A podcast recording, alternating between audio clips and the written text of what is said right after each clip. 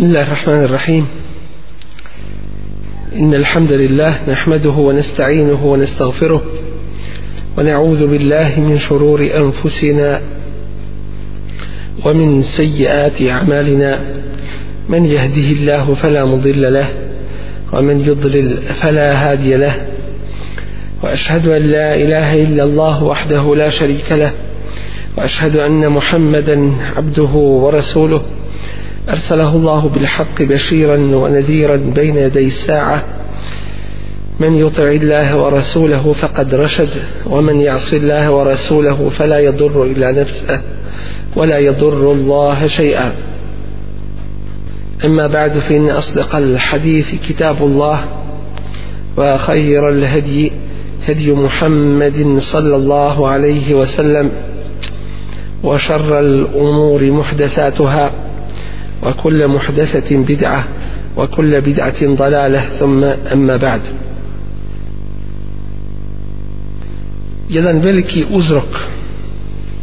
koji dovodi do uništenja cijelih naroda što je primijećeno i poznato u istoriji čovječanstva uzrok koji dovodi do kvarenja čistih fitri to jeste prirode u kojoj je Allah te bareke ve taala stvorio čovjeka uzrok koji dovodi do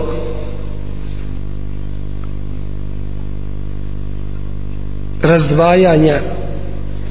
i cijepanja porodica uzrok koji dovodi do širenja fesada i nereda na zemlji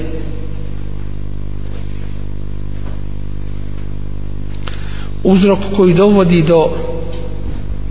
nestabilnosti i nesigurnosti u nekom društvu jeste uzrok kojeg mnogi nisu svjesni i u pogledu kojeg mnogi se nemarno odnosi to je miješanje muškaraca i žena radilo se o miješanju muškaraca i žena na radnom mjestu poslu ili se radilo o njihovom miješanju na javnim mjestima u prodavnicama čaršijama i tako dalje ili o miješanju na mjestima izleta ili raznim drugim prigodama kao što su razne svečanosti upravo ovo miješanje muškaraca i žena koje Allah te bareke ve taala zabranjuje dovelo je do toga da mnoga društva kao posljedicu miješanja muškaraca i žena žale se na mnoge negativne posljedice koje su proizašle iz toga ovo govorimo stoga što se još uvijek kod nas u nekim porodicama teško toga osloboditi a to se mora ostaviti i toga se muslimanska porodica mora riješiti samim tim što nalazimo da se još uvijek zajednička sjela uspostavljaju gdje sjedi muškinje i ženskinje koji nisu jedni drugima mahremi i zajedno se priča i zajedno se razgovara i sjeli i kao da je to nešto normalno i uobičajeno pod opravdanjem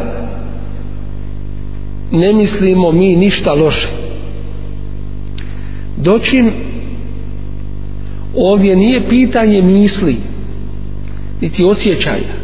nego pitanje propisa koje čovjek ne smije kršiti i kojih se mora držati mnoga društva nakon što su osjetila loše posljedice miješanja muškaraca i žena počela su da se bave tom problematikom time što su osnovane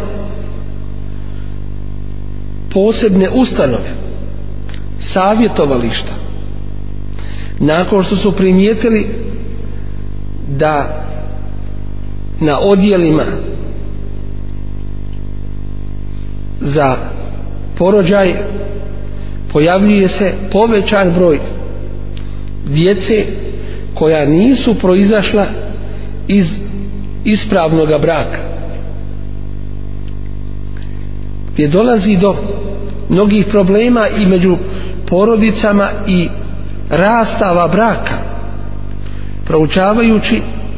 statistike onoga što je dovelo do samih rastava braka zaključuju da je često slučaj upravo to zajedničko sjedenje bilo otvaranjem vrata toga problema da uđe među porodice i da se one na kraju i unište. Islam je upozorio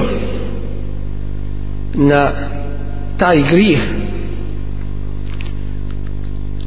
i to u više prilika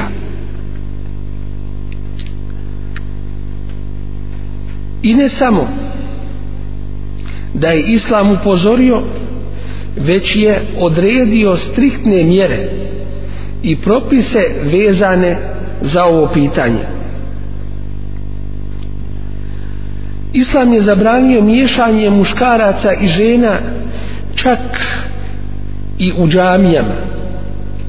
koje su mjesta ibadeta Allahu tebareke ve ta'ala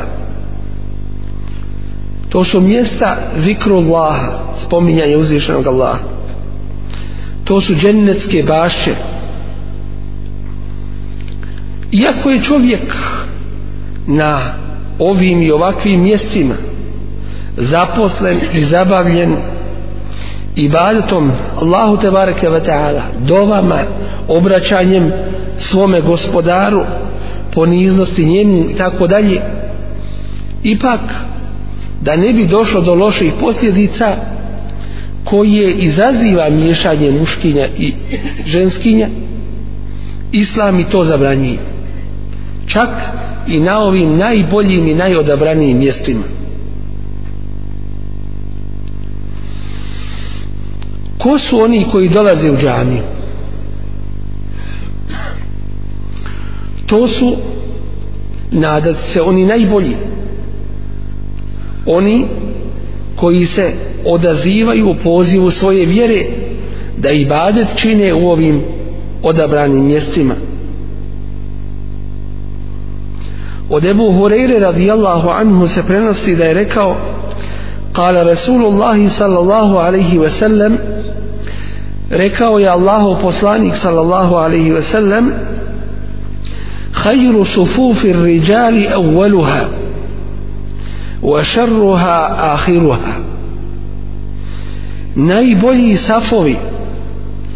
muškaraca su prvi safovi, a najgoriji posljednji. وَخَيْرُ صُفُوفِ النِّسَاءِ آخِرُهَا وَشَرُّهَا أَوَّلُهَا A najbolji safovi žena su posljednji safovi, a najgoriji safovi žena su prvi safovi. Ovaj hadis bilježi imami muslim i to je 440. hadis u njegovom sahiju. Ova dve, ove dvije vrste safova su najgori safovi upravo zbog toga što se u njima približava muško-žensko. Čak i na ovim odabranim mjestima i badeta Allahu te barake wa ta'ala. Šta onda reći za izletišta? Šta reći za čaršije? Šta reći za sjela gdje se sjedi priča šali u otvorenom razgovoru gdje se krše propisi ove vjere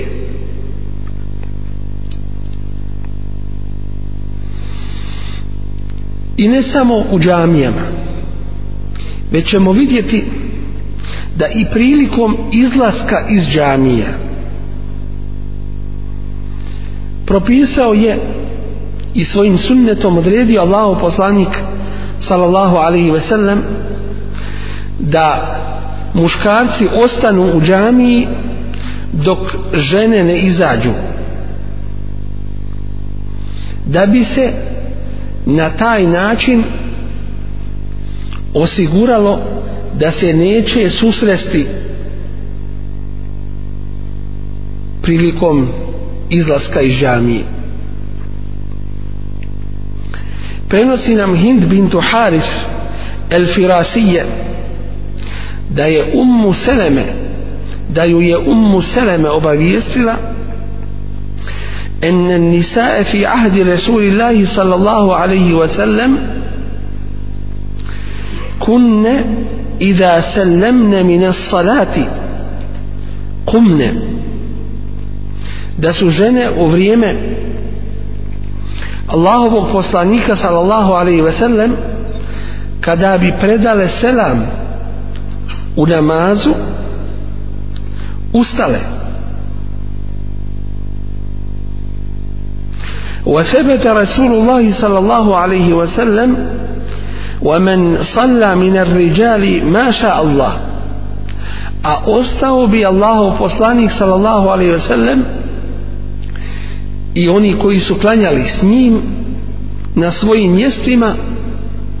koliko Allah tjedne to jeste zadržali bi se jedno vrijeme na svojim mjestima gdje su klanjali fe iza kame Rasulullah sallallahu alaihi ve sellem kame riđan pa kada bi ustao Allah poslanik sallallahu alaihi ve sellem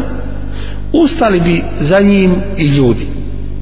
dakle to bi bio znak znak da mogu ustati i da je slobodno da da izađu Allahu poslanik sallallahu alaihi ve sellem u ovom je hadisu kojeg bilježi imam en nesai u svome sunenu to je 1333. hadis a svoju osnovu ima u sahih muslimu jasno nam je dao praktičan primjer kako treba da bude odnos između dvije skupine čak i na ovim mjestima ibadeta prilikom ibadeta i nakon njega prilikom izlaska ukazujući nam na veliku opasnost koja se krije iz nepridržavanja ovih velikih pravila. Prvi fitnet Benu Israila bio je fitnet u ženama.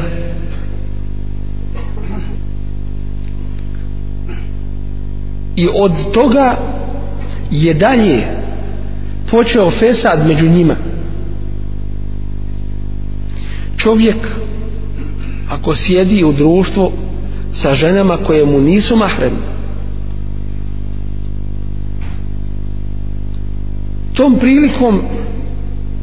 dešava se mnogo fesada od čega je da šeitan uljepšava zabranjeno i koliko je bilo slučajeva rastave braka upravo tim uzrokom što se jedno drugome svidjelo samim tim što čovjek zna svoju ženu i zna njegove njene i vrline prednosti i njene mahane manjkavosti dočim druga žena koja tu sjedi ona gleda da se pokaže u najboljem liku i obliku čovjek ne znajući za njene mahane šeitan mu donese a što tvoja žena nije ovakva da ti imaš ovu ženu umjesto one i tako dalje kad je ovo slučaj sa ashabima Resula sallallahu alaihi ve sellem kojima je bilo naređeno odvajanje muška od ženska u džamijama i prilikom izlaska iz njih ko kasnije može imati opravdanje i da kaže mi loše ne mislimo pa jesu loše mislili ashabi Resula sallallahu alaihi ve sellem ta najbolja i zlatna generacija islam ne dozvoljava da plane vatra pa da se onda tek gasi već islam spriječava da ona ikako plane da ne bi bilo potrebe kasnije da se, da se gasi i ovo je jedan jedno pitanje oko kojeg ne bi trebalo biti nimalo dileme. To jeste s jedne strane biti odlučan u pogledu toga, ne gledati na hatere ljudi, nego na propise ove vjere i drugo biti ubijeđen da je to od vjere, od propisa vjere i da se sa tim nije šaliti ni olahko do toga držati. Allahu poslanik sallallahu alejhi ve sellem naredio je jednom od ljudi u svome vremenu, jednom od ashaba, da ne učestvuje u džihadu, u borbi na Allahovome putu. I rekao mu da putuje sa svojom ženom koja želi da obavi hađu. sve to kako bi spriječio da se ona miješa sa muškarcima koji joj nisu mahrem od Ibni Abbasa radijallahu anhuma se prenosi انه سمع النبي صلى الله عليه وسلم يقول دايتشو الله بوك صلى الله عليه وسلم دا govori la jahluvanna ređulum bim raetin neka se ni, ni pošto ne osamljuje čovjek sa ženom ولا تسافرن امرأة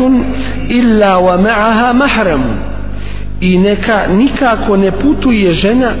osim kada sa sobom ima mahrema to jeste onoga koji je ne može oženiti i to koji je ne može oženiti trajno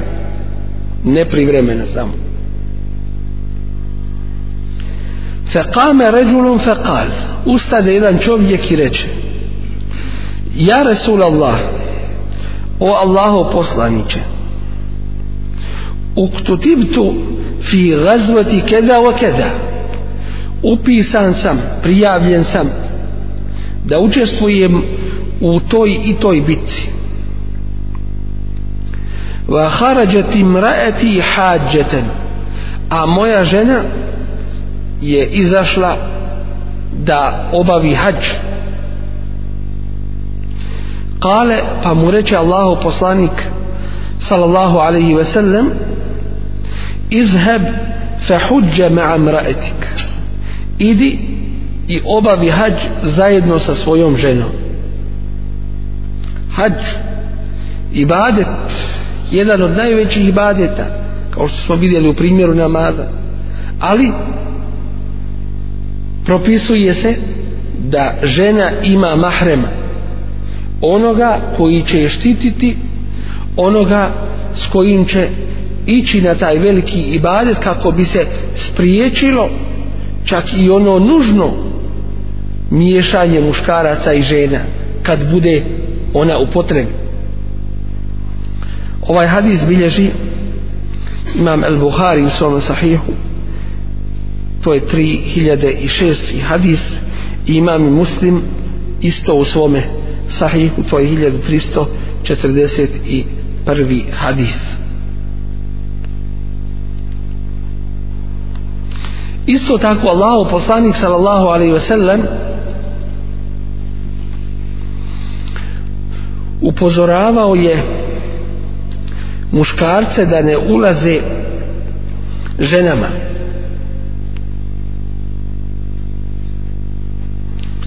i to u kuće ili u mjesta gdje one borave ako tu nema nekoga od njihovih mahrema makar se radilo o nekom iz rodbine makar se radilo o nekome koji dolazi i ulazi iz rodbine ako nije mahrem od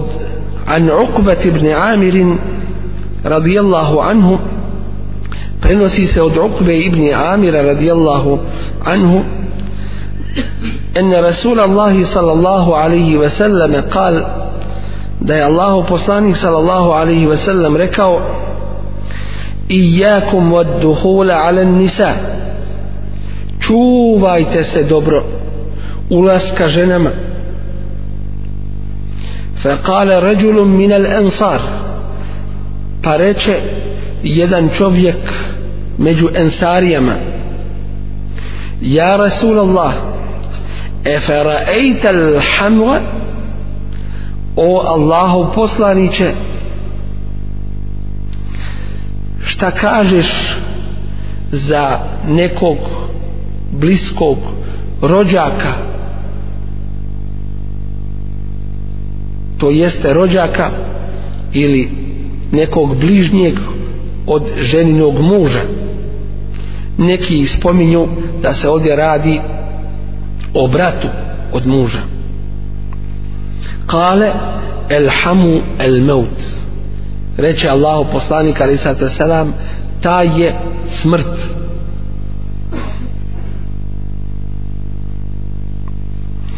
načelno se spominje da je hamu neko od rodbine čovjeka Allahu poslanik sallallahu alaihi ve sellem poredi ovome hadisu kojeg bilježi imam i Buhari u svom sahihu 502, 5232 hadis imam i muslim isto tako u svome sahihu 2170 i drugi hadis poredi bližnjeg sa strane muža i njegov ulazak ženi u kuću i mjesto boravka u vremenu kada nema mahrema da je to smrt zbog veličine opasnosti i mogućnosti uticaja negativnog iako se može nekada shvatiti da on ulazi da pripazi ženu da joj učini kakvu uslugu i tako dalje doći sam njegov ulazak po tome što on nije ništa vezan sa strane hurmeta njoj to jeste nije joj mahrem njegov lahak ulazak kod žene može upravo biti posebna opasnost.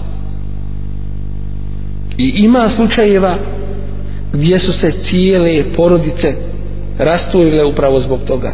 I takvi slučajeva gdje je šeitan sumnje ubacio u ovo ono i jednostavno došlo je do velikog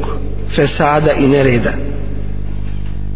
Allahu poslanik sallallahu alejhi ve sellem je objasnio isto tako da je velika opasnost osamljivanja muškaraca i žena u hadisu gdje kaže la jahluvanne ehadukum bimraetin fe inne šeitane salisuhuma neka se niko od vas ne osamljuje sa ženom svakako ženom koja mu nije mahram jer je šeitan treći među njima neminovno kada se čovjek osami sa sa ženom kojoj nije mahrem šeitan je treći tu šeitan mora tu prisutovati hadis ovaj bilježi imam Ahmed u svome musnedu neko će postaviti pitanje u ovim hadisima koji su spomenuti rečeno je da se čovjek ne osami sa ženom kojoj nije mahrem šta smeta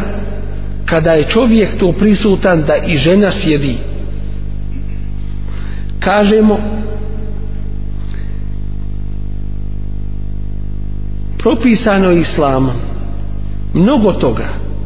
što čini zaštitu ženi kako njoj od drugih tako i drugima od nje samo isticanje žena što se zove teberruđ je zabranjeno u islamu to je spomenuto u suri El Ahzab gdje kaže Allah te bareke ve taala ženama Allahovog poslanika alejhi salatu kao najboljim ženama a samim tim propis se odnosi na sve druge وَلَا تَبَرَّجْنَ تَبَرُّجَ الْجَاهِلِيَةِ الْأُولَى i nemojte se isticati kao u prvo pagansko vrijeme džahilijet šta znači teberruđ teberruđ znači da se žena bilo čime ističe To može biti svojom nošnjom i odjećom koja je ili tanka ili prozirna ili šarena ili kratka uglavnom onom odjećom ili tjesna koja nije u skladu sa šerijatskim usosima dakle sa šerijatskim osnovama i propisima to se može odnositi na njeno mirisanje gdje se ističe i privlači tuđu pažnju to što se može odnositi da svoj glas namjerno poveća da bi privukla tuđu pažnju ili svoj glas namjerno istanji kako bi na taj način privukla tuđu pažnju namjerno ili nenamjerno ali toga se valja čuvati to može biti preko halhala ili nakita koji nosi čime privlači pažnju ili ako se u slučaju da se taj nakit ne vidi onda da se taj nakit čuje ispod odjeće pa se na taj način privlači pažnja muškinje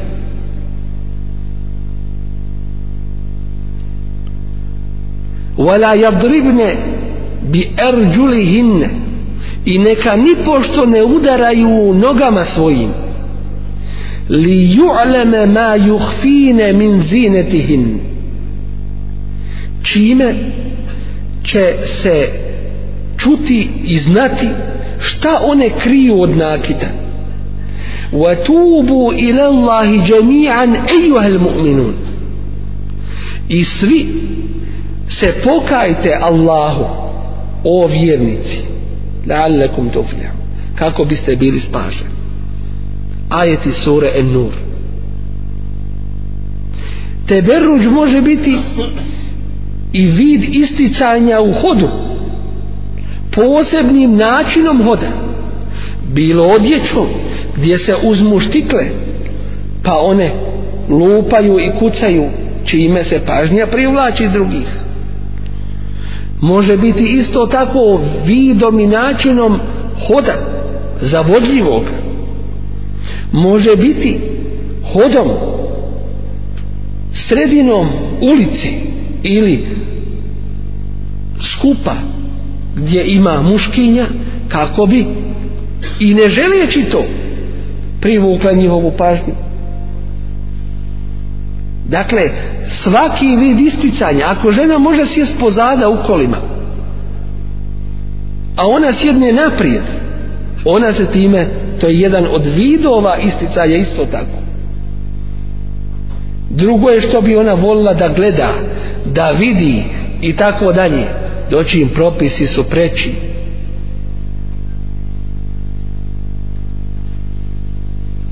Dakle, islam zabranjuje svaki vid toga te berluđa, isticanja žena među muškinjem, jer će to na kraju neminovno dovesti do velikoga fesada. Do nereda u društvima i to tolikog nereda kojeg nismo ni svjesni.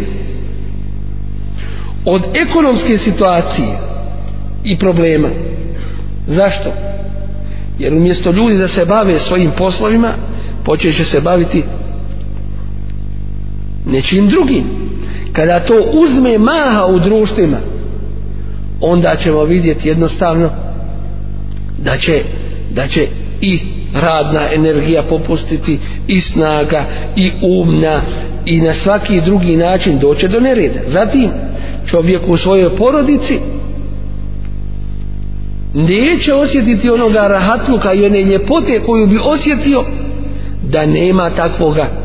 miješanja. Dakle, i u ekonomskom, i u bezbjedonosnom smislu, i u praktičnom, porodičnom svi, smislu, a iznad i prije svega u vjerskom smislu, ne može se progledati kroz prste i ne smije se olako držati do propisa miješanja muškaraca i žena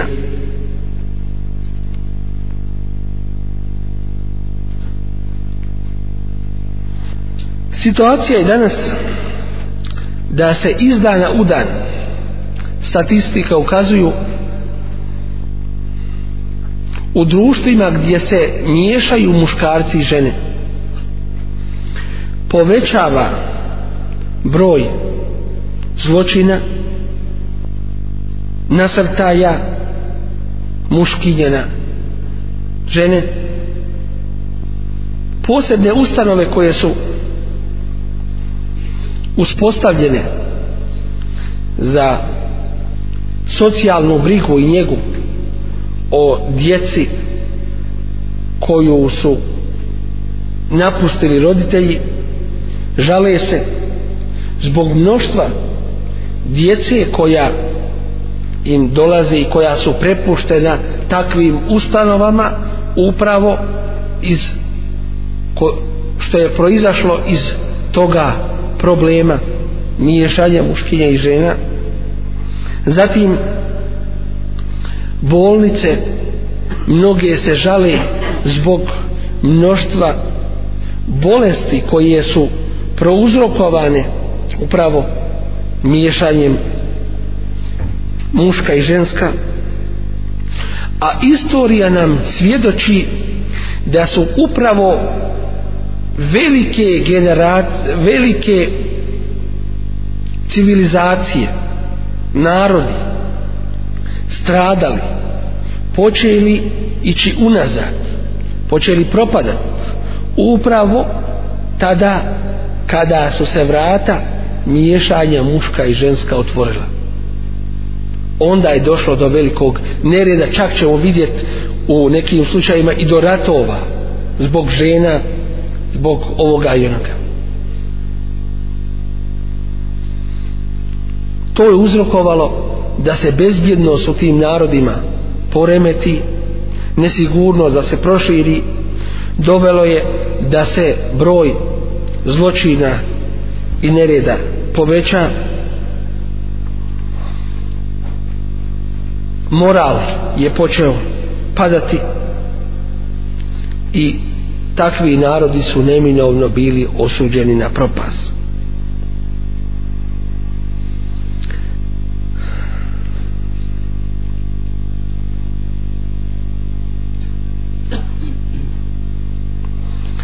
U današnjem vremenu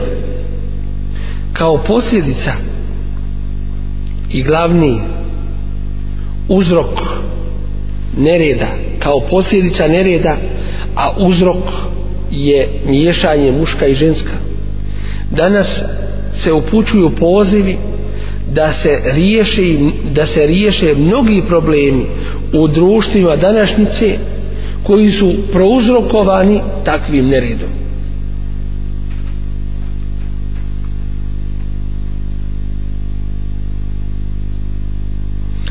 Zasigurno da to pitanje neće riješiti ni kongresi, ni rezolucije, ni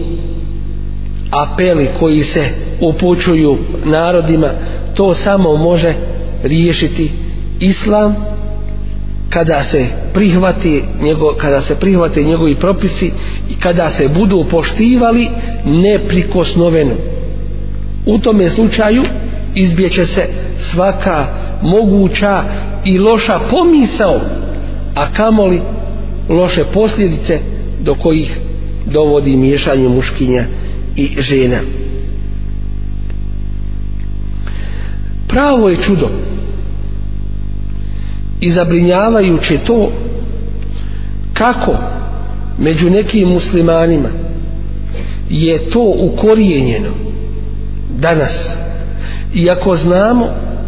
da su naši stari držali do propisa ovoga u vjeri. Samim tim što su u kućama bile odvojene gdje je postojala mogućnost za to muške i ženske avlije. Nisu imali ovoliko dunjaluka koliko ovi današnji imaju, ali su bili rahatni i sretniji. Nisu imali ovih dunjalučkih uslova koje ovi današnji imaju. Ali su tadašnji brakov, brakovi pored dunjalučkih, ovosvjetskih problema, iskušenja, musibeta, ratova koji su bili ne lokalnog samo nego svjetskog karaktera. Opet su sa Allahovom pomoći te porodice koje su se držale dina uspjele da očuvaju čednost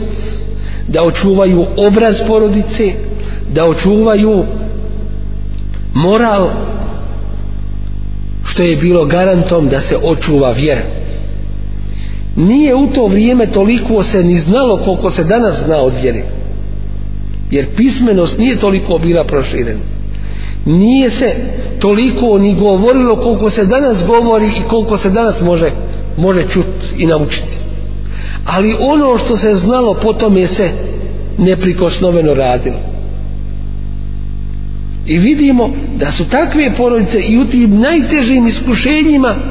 izašle čiste izašle čedne izašle moralne i ispravne i vi znate dosta tih primjera gdje je majka sama ostala otac otišao u rat nije se više ni vratio ni javio valja se brinut o porodici čeljad malehna nije niko nije ni jedno sa Allahovom pomoći obraz zapalilo kućini porodici zašto? upravo zbog toga što se držalo do ovoga propisa dakle posebno u ovome vremenu napominjemo na, na to opominjemo da je to jedna velika opasnost i jedan veliki problem koji se danas među muslimanima širi. Mi vidimo da je u zadnje vrijeme nekih desetak zadnjih godina počelo da se uvodi ono što zovu ilahijama i kasidama. I onda dođu mlade djevojke i puštaju svoj glas i i pjevuše a to je isto tako vid avreta onoga što se ne smije pred stranim muškarcima pokazivati i od toga se prave jednostavno dobre zarade ne gledajući se na vjerski, na šarijatski propis. Žena, kada je u namazu, pa imam nešto pogriješi, ona neće puštati svoj glas nego će udariti rukom od ruku kao upozorenje i napomenu da je dotični imam nešto u namazu propustio i pogriješio dok će muškarci reći subhanallah ustao mjesto da sjedne i tako dalje dakle upozorit će ga na tu grešku glasom žene neće pa džamija, pa namaz, pa neće ništa loše reći, šta je loše da govore, subhanallah, nema govora tu. Nema govora. A šta reći i kako reći o večerima koje se organizuju, u kojima se pjeva, u kojima se zajednički sjedi, koje se snimaju u kamerama i Allah zna gdje sve po televizijama pokazuju i tako dalje. Zaista je to jedan veliki musibet. primijetio sam u nekim sinagogama kod ortodoksnih židova iako se mi na njih ne ugledamo mi imamo svoje izborne propise ali da napomenem samo da imaju posebna vrata i ulaz za žene a posebna vrata i ulaz za muškinje a da ne govorimo da nema ima miješanje unutra te je zovu ortodoksnim kao pridržavaju se svoga izvornoga onoga što je ostalo od vjere dakle taj propis nije ništa novi taj propis nije ništa neobično nego je on star i najstariji i izvoran s tim što su mnogi ga zapostavili zašto postavlja se pitanje zato što ćemo vidjeti da danas se mnogi ugledaju na druge kao da je to kulturno da se zajednički sjedi sramota je da imaš snahu mladu a ona se nije pokazala pred musafirim sramota da ona ne iznese kahvu i da je nemetne i servira tebi će pri, prigovoriti kakav si ti čovjek ili šta si ti u kući i tako dalje dakle gleda se na adete a ne gleda se na na propis i kako ćeš ti sutra reći snaho ili ženo i tako dalje pokoravaj se Allahu i poslaniku sa selem kad si joj ti naredio da bude nepokorna kad si ti bio uzrokom njene nepokornosti ti si je naučio da da ne sluša a ne može se malo sad slušaj kad mi treba malo sad ne slušaj kad mi ne treba ne može se polovično tako raditi ovako je ispravno pa ko hoće ko neće bujru ko hoće elhamdulillah ko neće nek se nauči dakle to tako treba da bude i kad tebi dolaze kući i Boga mi kad ti odeš drugima ako hoćeš da ti dođem to ti je tako a ako nećeš onda je to druga stvar samo radi ovoga ili hatara onoga neću i ne smijemo kršiti šarijetske propise pravo je čudo da se to miješanje muška i ženska uzelo od nemuslimanskih društava pa kako može onaj koji je ponosan oponašati onoga koji nije takav kako može onaj koji ima čiste propise oponašati onoga koji nema te propise kako može onaj ko, koga je vjera začuvala da oponaša onoga koji je raskalašen i koji nad sobom neće propisa svoga stvoritelja Allaha tabaraka wa to se ne može i ne smije desiti jednom muslimanu ovo je samo nešto od onoga što bi se trebalo reći i što treba znati o miješanju muškinja i ženskinja međusobno. Drugo još jedno pitanje da na njega se ukratko odgovori, a to je spominje se u nekim hadisima gdje su ashabi Resula sallallahu alaihi ve sellem ulazili jedni drugim u kuću koja se sastojala od jedne prostorije kako su ulazili kad je to bila žena odgovor na to je na prvom mjestu to što su se držali šarijetskih propisa wa kulli almu'minina yaghuddu min absarihim reci vjernicima da spuste svoje poglede wa kulli almu'minati yaghuddu min absarihim i reci ženama da spuste svoje poglede ušao bi neko od njih u kuću svoga brata u islamu ili brata po krvi a ne bi vidio njegovu ženu iako je ona u istoj toj prostoriji hajde ti sebe u to i na to dovedi trebao bi to jedno i drugo ako je bila u istoj prostoriji nije ona donosila tu da se i sjedila sa njima nije ona sjedila i pričala ko kaže drugačije neka dokaz donese. Znači, oni koji hoće da opravdaju adete i ono što misle da im je teško učiniti, da to nije teško ima Allah učiniti. I dove se u, u granicu toga propisa. Neka se ne hvataju za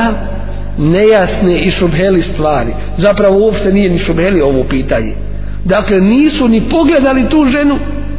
nisu svoj pogled digli nikako i te žene nisu sjedile sa njima i sjedile i pričale i razgovarale i raspravljale i drugo pitanje spominje se u hadisima da su žene učestvovale u nekim bitkama i previjale ranjeni pa će reći zar to nije vid miješanja muška i ženska kažemo u ovom je slučaju ako je došlo do toga da žena mora ranjenika previti a znamo ko je ranjenik ni onaj koji se utrnu Bog nego kome ruka visi kome, kome je stomak otvoren i crijeva ispala onaj koji krvari šta on može pomisliti to jedno i šta ona može pomisliti o njemu to drugo i treći ostaje po, propis spuštanja pogleda i četvrto ako imaju muškinje onda će muškinje stati na mjesto ti žena i peto i deseto jesu li one sjele s njima da, da mi vas previjemo i da vam ispričamo jednu priču i da počnu sjelit sa njima nema toga nego se svelo na najnužnije i to opet nije i niti može biti opravdanje onima koji na neki način zagovaraju ili opravdanjeju ili opravdavaju hoće da opravdaju zajednička sjela ja vjerujem da svi oni koji ovo čuju da nema nikakve šubehe u pogledu ovoga propisa da je on vrlo jasan i nedvosmislen dakle treba ga primijeniti ko se na Allah te bareke ve taala osloni wa men yatawakkal ala Allah fa huwa hasbu ko se na Allaha osloni on mu je dovoljan isto tako čovjek je zaštitnik ženi čovjek ne smije biti taj koji će reći e ženo mi sad idemo mojima i ti moraš sad sjeti među mojima zašto? radi adeta, radi prigovora ovoga i onoga oni ako će prigovarat i ako ti u tome ne prigovore prigovorit će ti u nečemu drugom to je neminovno i drugo oni, oni koji ti prigovaraju, prigovorit će ti upravo u tome, što će reći, a kako si mogao preći preko toga da tvoja žena sa nama sjedi, a ne možeš preći preko nečega drugoga. Što znači kad si počeo već popuštat, pa popusti onda skroz. Što malo pustiš, malo zategneš. Kad kad smo te vidjeli da, da ne držiš čvrsto, onda pusti skroz koji ostavi. Dakle, to nije opravdanje, niti može biti, nego je samo potrebno وَمَنْ يَتَوَكَّلْ عَلَى اللَّهِ فَهُوَ حَسْبُ Ko se na Allaha osloni, on mu je dovoljan وَمَنْ يَتَقِلْ لَا يَجْعَلْ لَهُ مَحْرَجَا Ko se Allaha bude bojao, Allah će mu dati izlaz i tu situaciju kakva je zamijeniti boljom tu teškoću i nelagodnost i neugodnost zamijeniti onim sa čime Allah الله زيشني زادوين جزاكم الله خير سبحانك اللهم وبحمدك أشهد أن لا إله إلا أنت أستغفرك وأتوب إليك